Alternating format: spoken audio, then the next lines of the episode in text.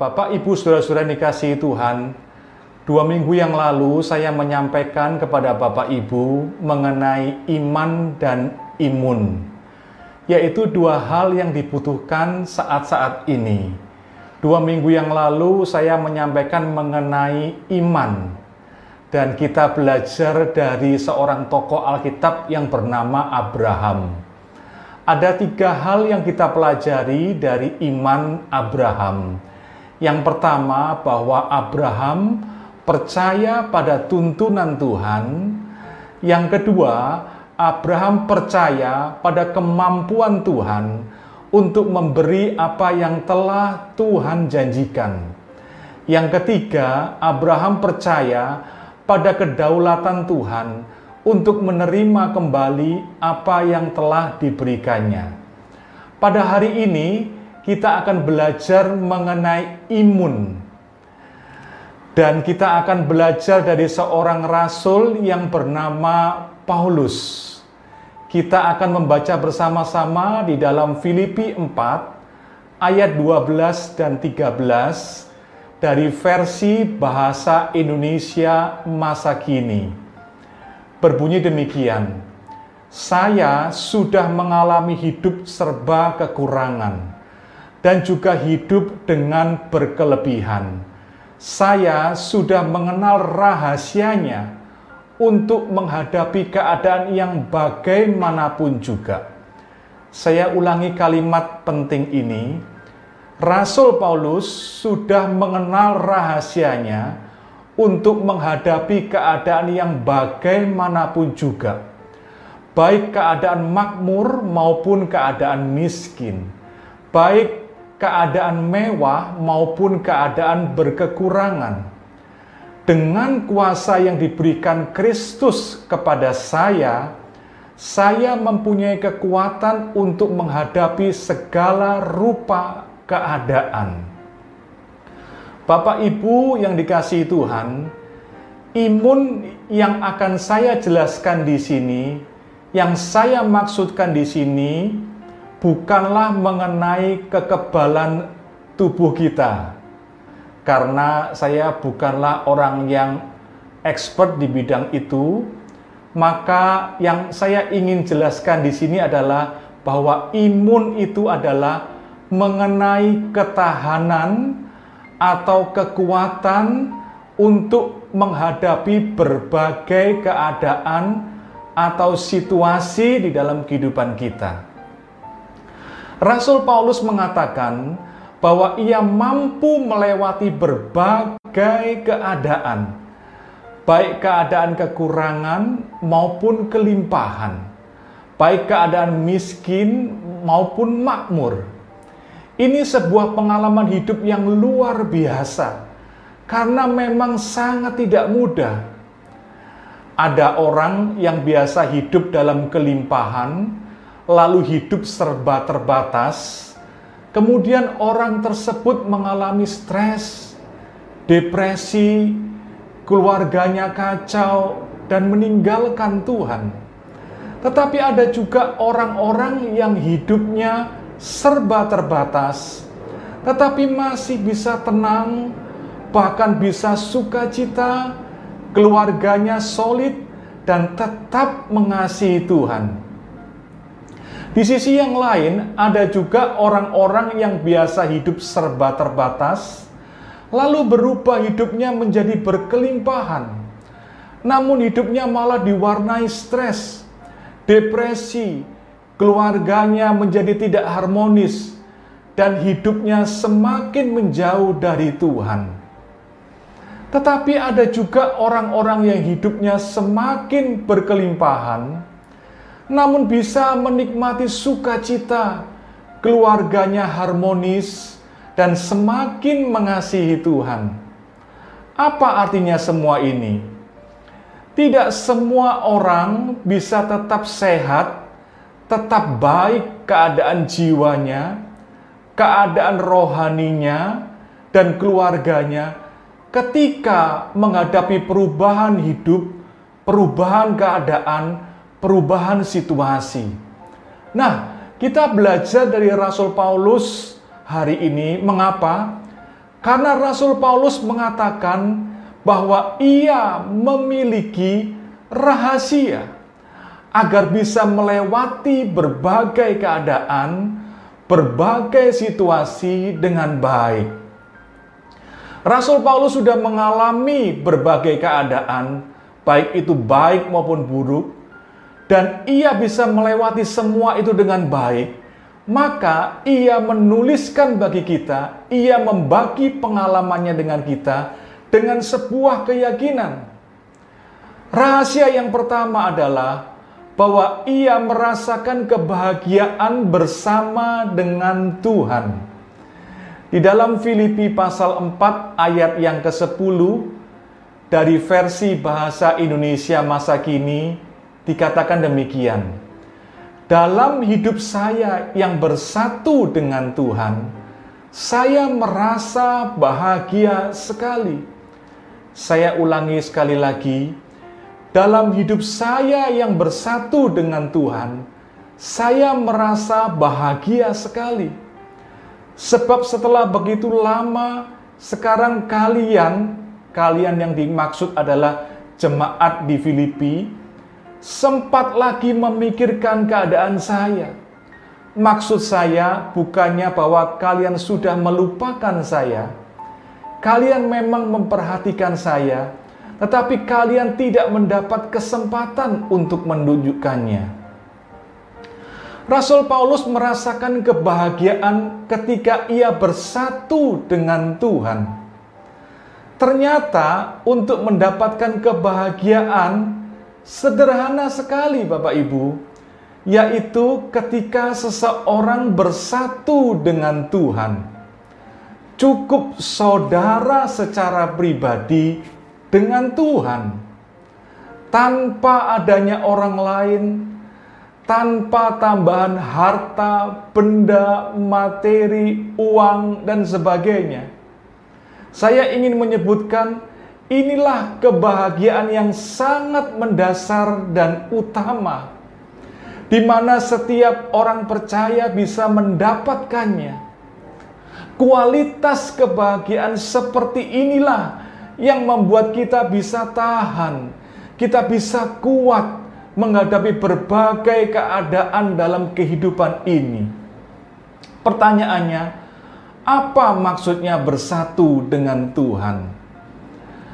Bersatu dengan Tuhan adalah ketika hati kita berpadu dengan hatinya Tuhan. Seperti layaknya suami istri yang hatinya berpadu. Kalau hati mereka berpadu, maka pikiran, perasaan, dan kemauan suami istri bisa selaras, bisa seirama, hal itu akan bisa menjembatani perbedaan-perbedaan yang ada dan mengurangi potensi konflik. Nah, untuk bisa bersatu hatinya, suami istri perlu meluangkan waktu untuk berdua, untuk berdekatan, untuk berkomunikasi, saling menyatakan isi hatinya Demikian juga kita dengan Tuhan. Bila kita ingin bersatu dengan Tuhan, maka kita pun perlu meluangkan waktu khusus setiap hari untuk berdua dengan Tuhan. Bu Hana minggu lalu mengajarkan kita agar kita memiliki waktu yang hening bersama dengan Tuhan.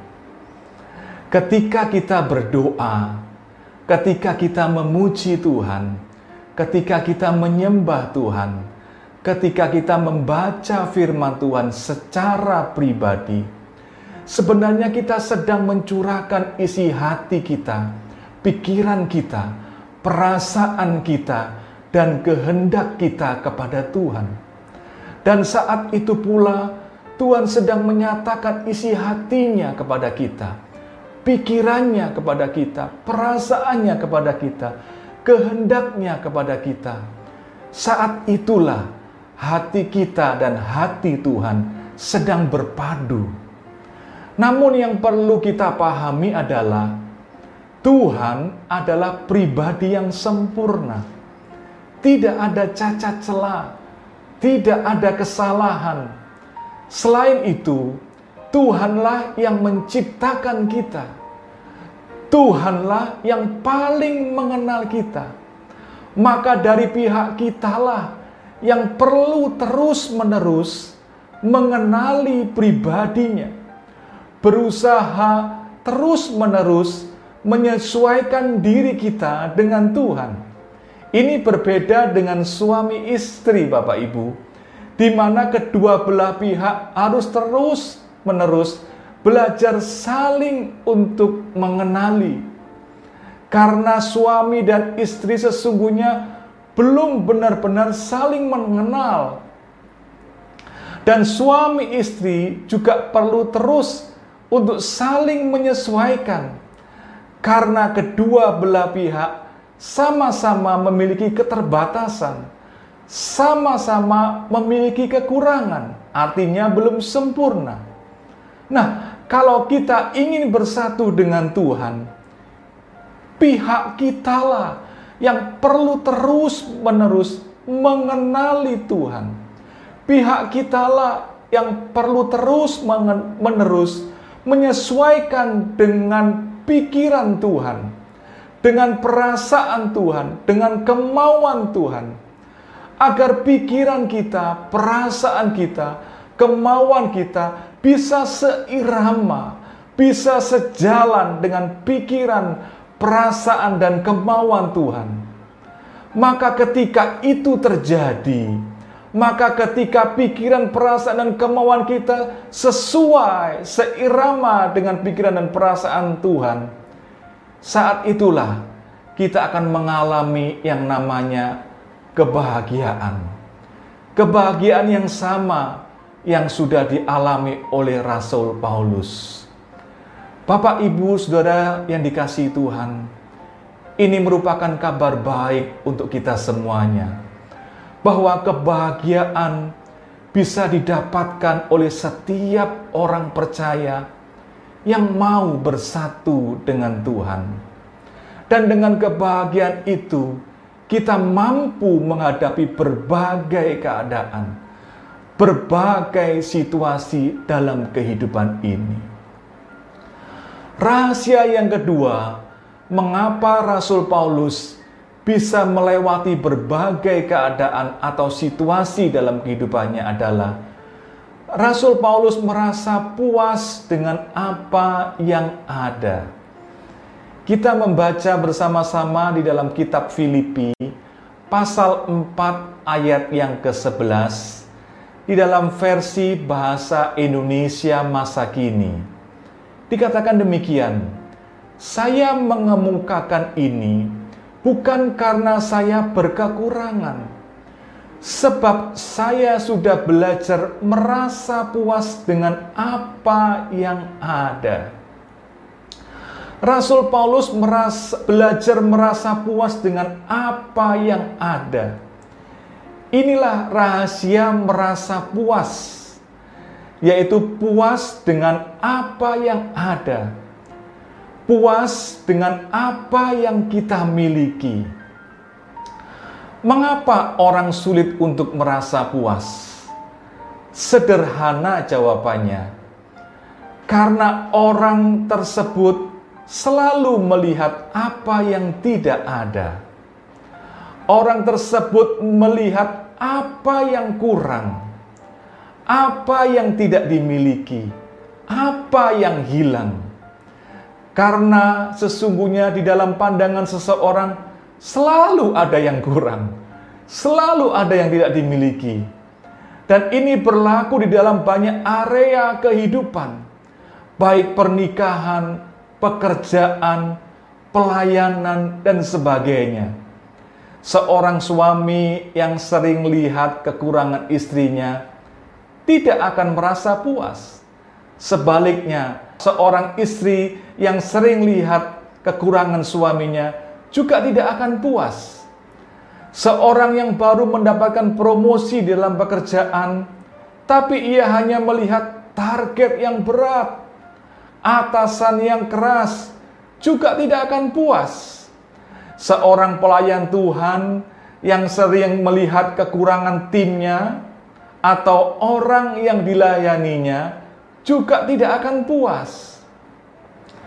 Kita be perlu belajar melihat dan menikmati apa yang ada, apa yang kita miliki dengan rasa syukur, maka kita akan puas. Rasul Paulus juga memberikan tips kepada kita bagaimana ia bisa merasa puas ketika hidup di dalam keterbatasan. Saya akan membacakan bagi saudara firman Tuhan di dalam ayat yang sama yaitu di dalam Filipi pasal 4 ayat yang ke-11 di dalam terjemahan sederhana Indonesia. Berbunyi demikian, saya mengatakan hal itu bukan karena saya merasa kekurangan, karena saya sudah terlatih. Saya ulangi kalimat ini sekali lagi, karena saya sudah terlatih untuk memuaskan diri dalam segala keadaan. Rasul Paulus menyampaikan bahwa rasa puas itu perlu dilatih, sehingga kita bisa memuaskan diri kita dalam segala keadaan.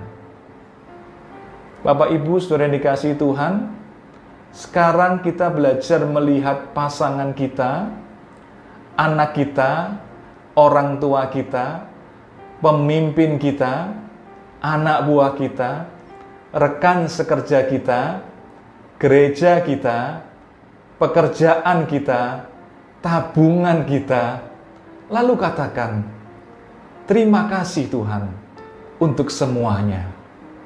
maka kita sekarang sedang melatih diri untuk puas.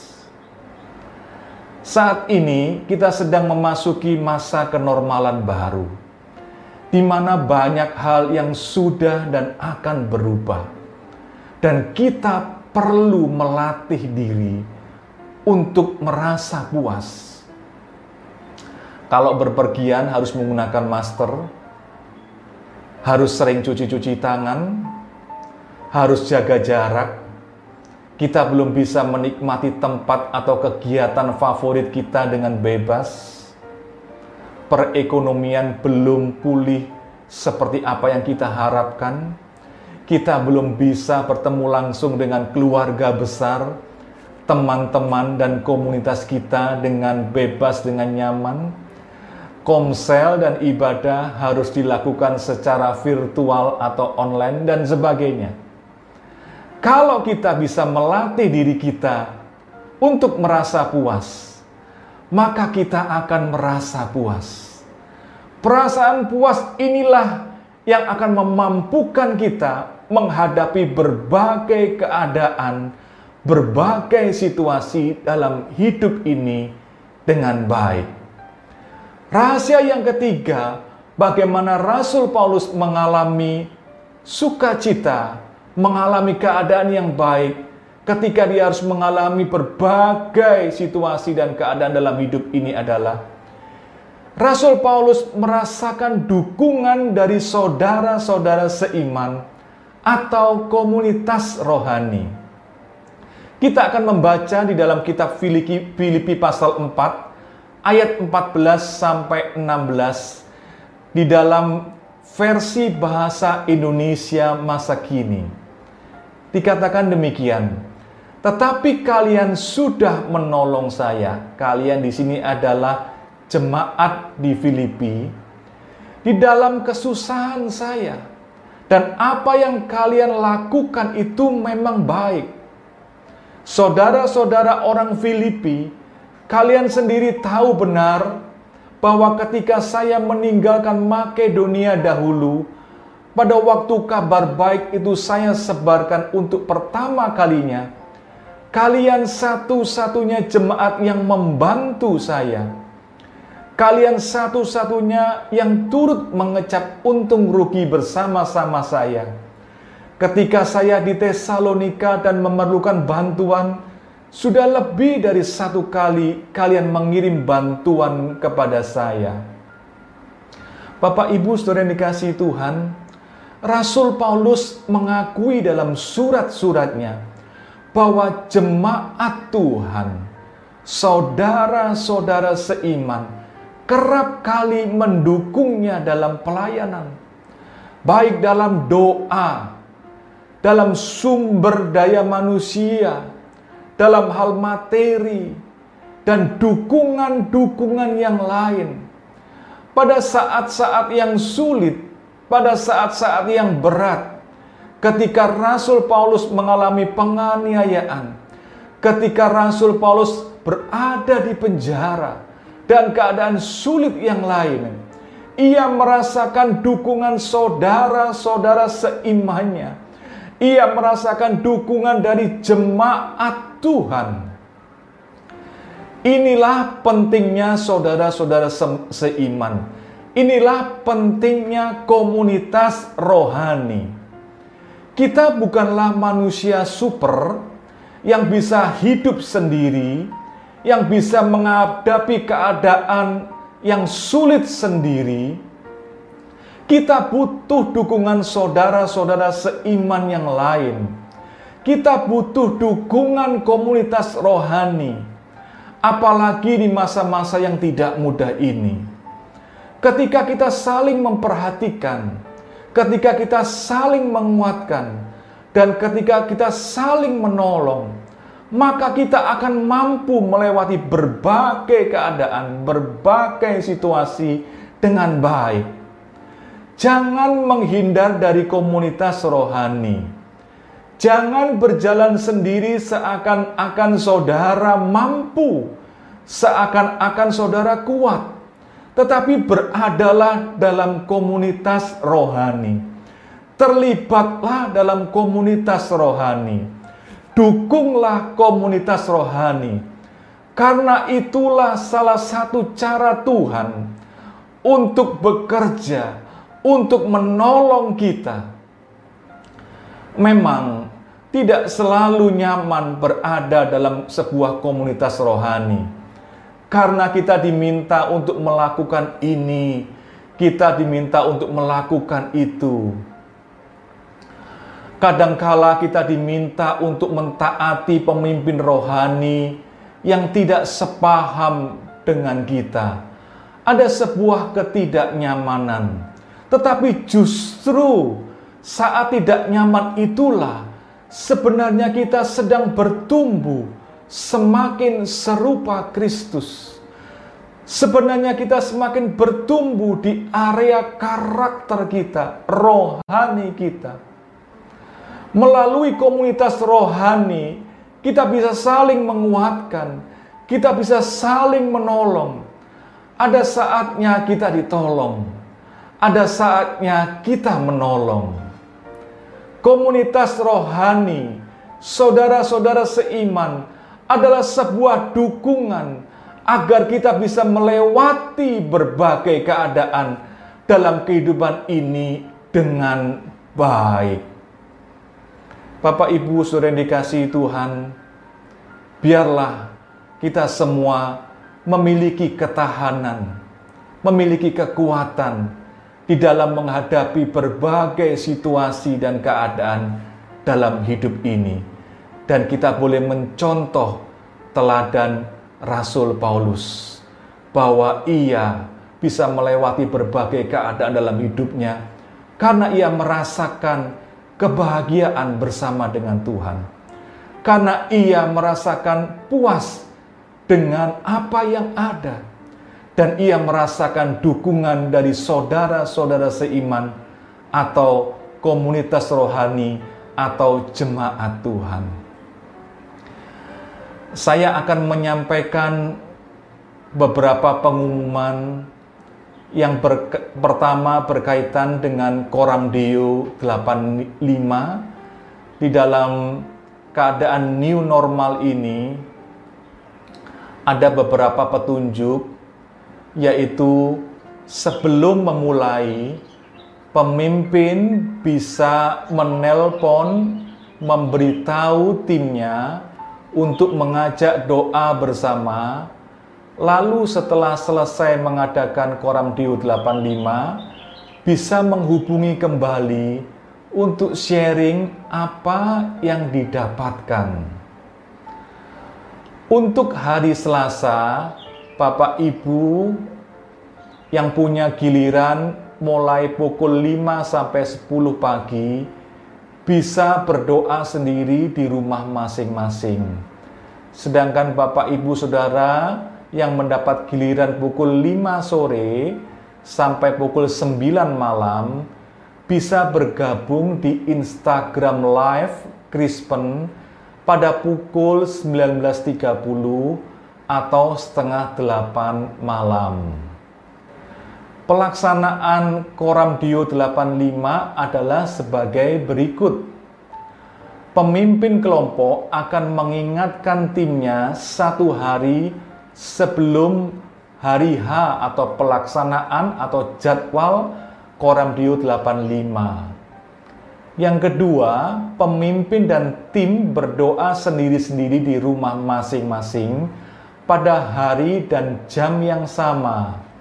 Yang ketiga, banyaklah menaikkan pujian dan penyembahan kepada Bapa pada waktu berdoa bersama Berdoalah juga untuk pokok doa yang diingatkan Roh Kudus atau mengikuti pokok doa yang telah diberikan PKS melalui grup WA atau line komsel. Yang terakhir, harap menghubungi Ibu Ruth apabila ada kendala dengan jadwal yang sudah ada. Saya mengulangi sekali lagi, Koram Dio Gabungan akan diadakan setiap hari Selasa melalui Instagram Live yaitu mulai pukul 19.30 atau setengah delapan malam.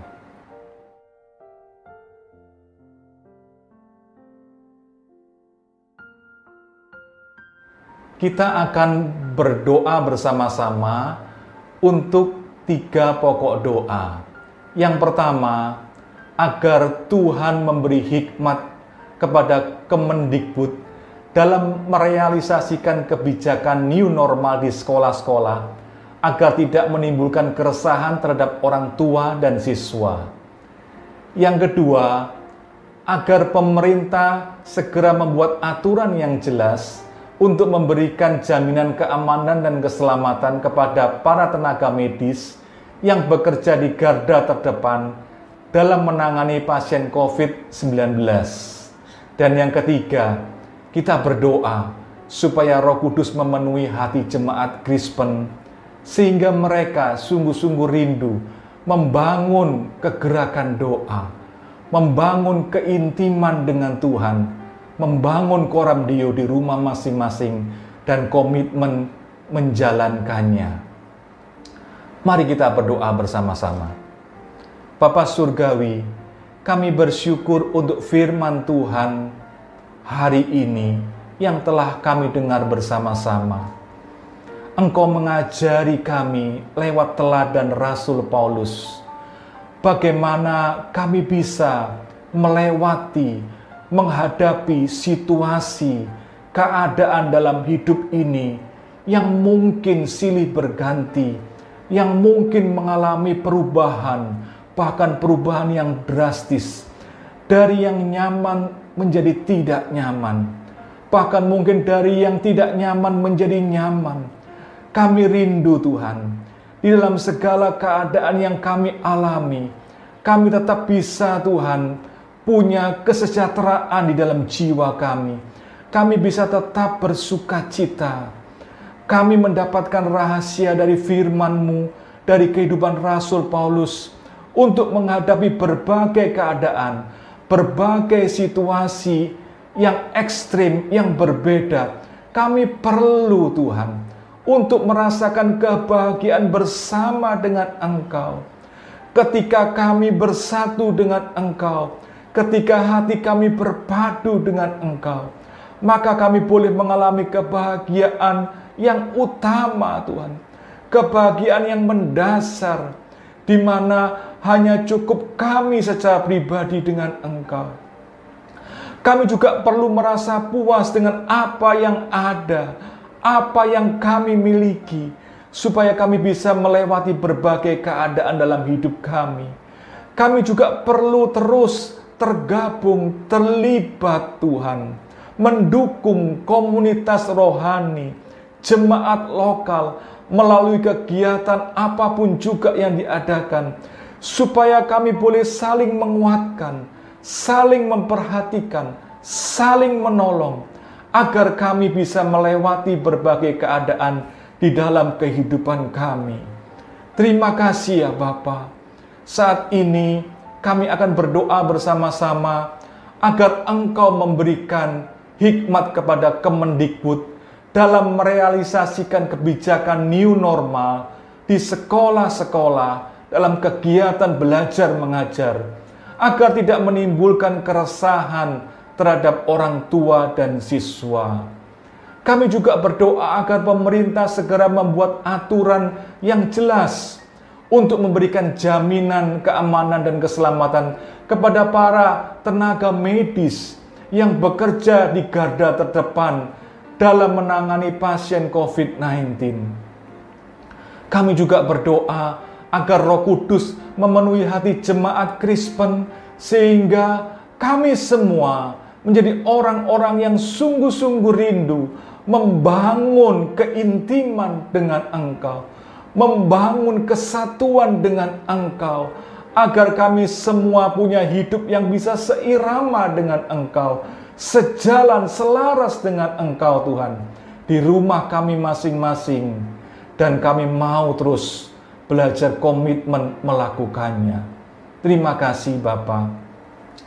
Bapak Ibu saudara-saudara yang dikasih oleh Tuhan, kita akan bersama-sama mengakhiri ibadah pada pagi hari ini dengan membawa berkat Tuhan.